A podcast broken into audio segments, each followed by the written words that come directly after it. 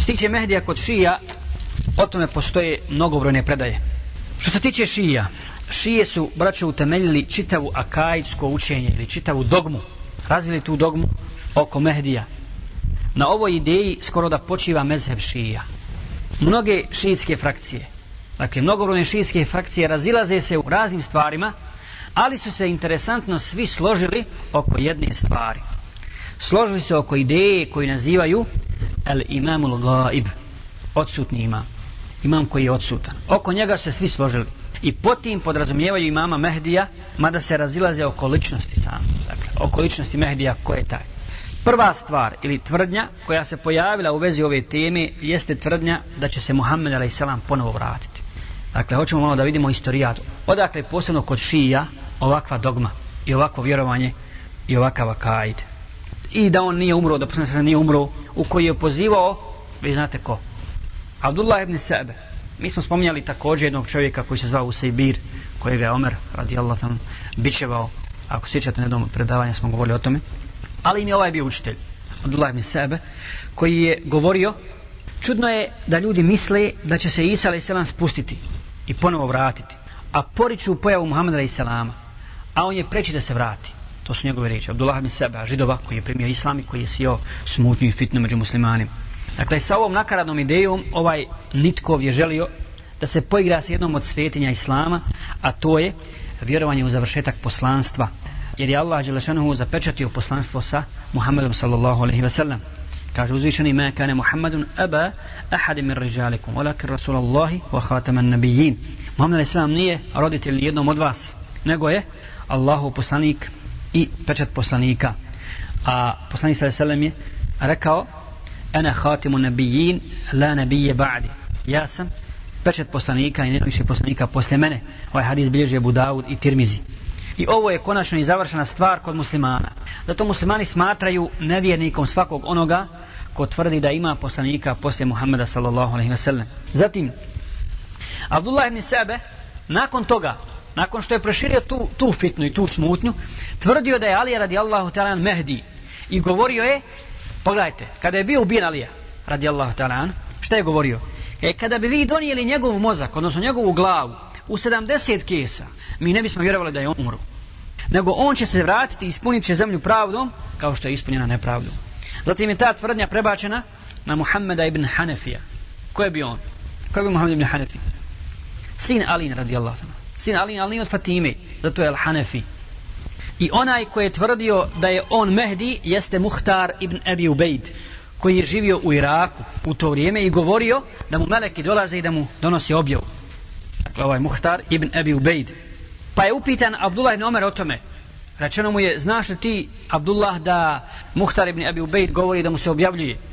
Pa je rekao, Abdullah ibn Omer, istinu je rekao, inne šejatine la juhuna ila eulijaihim. Pa je citirao kuranski ajed sure An'am, 121. Dakle, istinu je rekao, zaista šeitan je objavljuju svojim prijateljima i svojim štićenicima. Dakle, nije ga nimalo poštedio, niti mu se dodvoravao, iako je žena Abdullah ibn Omera, Safija, bila sestra ovoga Muhtara.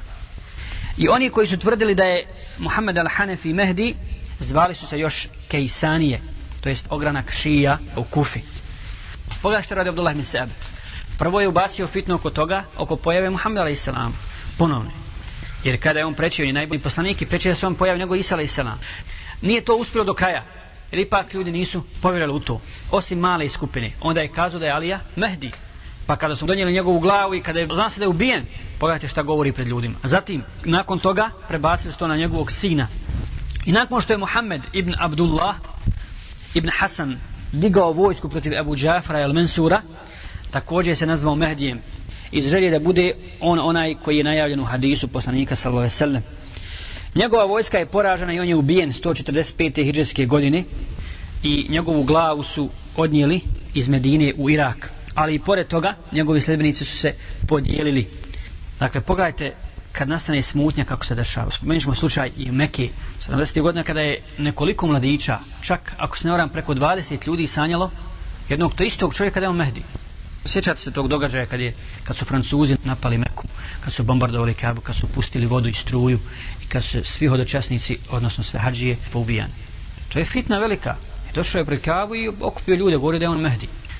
Također kod ovog Alinog sina, radijallahu talanu, i pored toga, dakle, što je on ubijen, njegovi srbini se podijelili u razne frakcije. Jedni su smatrali da je umro i oni su napustili ovu ideju. Čim je umro, gotovo. Drugi su smatrali da će se vratiti, iako je vidljivo da je on umro. Međutim, smatrali da će, da će on doći. A treći su ovu titulu prenijeli i prebacili na drugi. Dakle, slučaj Harema kojega smo spomenuli 70. godina, kada se jedan mladić proglasio Mehdijem i pozivao je ljude, a onda su to ovi nevjernici iskoristili. I on je bio ubijen. On je bio ubijen tada, isto, taj mladić.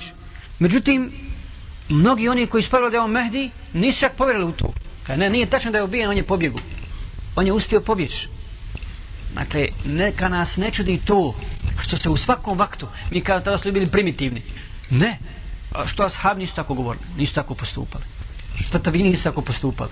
Jesu neke skupine, ali kad se islam proširio, dakle više fitne posijano u novije vrijeme oko Mehdija nego tada. Tada su ljudi radili, borili su, uspostavljali šarijat, šarijat bio i vladao i širili dao, prenosili islam na druge generacije. Međutim, kada su islam prihvatali drugi ljudi, kada su islam prihvatili kršćani i drugi, onda, pošto kod njih postoji takve ideje, oni su onaj preuzeli to, mada ima sahih predaja, a posebno kad su muslimani bili u krizi. Jer čovjek često puta laže sam sebe. Laže sam sebe i neće da vidi pored očiju pravi se slijepac i vidi da je napravio grešku. Mi znamo iz našeg iskustva životnog. Često puta čovjek napravi grešku, ali neće da prizna da je to bila greška. I smatra da je u pravu. I kada je umro onaj za koga su smatrali da je Mehdi, onda su ponovo prebacili tu titulu na drugoga. Nakon Muhammed ibn Hanefija, neki od njih čekaju Muhammeda ibn Džafara, a to je Džafar as-Sadik, poznati sunijski imam, čuli ste za Džafara Sadika. Nakon što je on umro, pojavila se skupina koja čeka Ismaila ibn Džafara i oni se zovu Ismailije. Ispadaju u batinijski otpadničku sektu. A kada je umro Ismail, koji nije imao djece, pojavila se skupina koja čeka Muhammada ibn Ismaila. I to su karamiti, odnosno batinije. Možete misliti da čekaju dijete od čovjeka koji nima od djece. Međutim, trebamo da kažemo da je najpoznatija šiitska sekta Ifna Ašarije, duodecimali. Dakle, oni koji su smatrali i vjerovali da postoji 12 imama. A zadnji je po njima Muhammed ibn Hasan el Askeri. I oni ga smatraju bezgriješnim imamom. Dakle, i on ima jednu sličnu dogmu koja je jako nelogična i smiješna. Kao što ovi čekaju Ismailovog sina Muhammeda, a čovjek umro, a nije imao djece, nije imao sina. Tako ovi čekaju ovog Muhammeda al-Askerija i kažu da je on skriven u jednom tunelu, da je skriven prije 1100 godina i oni ga čekaju. Dakle, istina da taj čovjek nije imao djece i da se ovaj Muhammed nikada neće pojaviti i da se nikada nije ni rodio.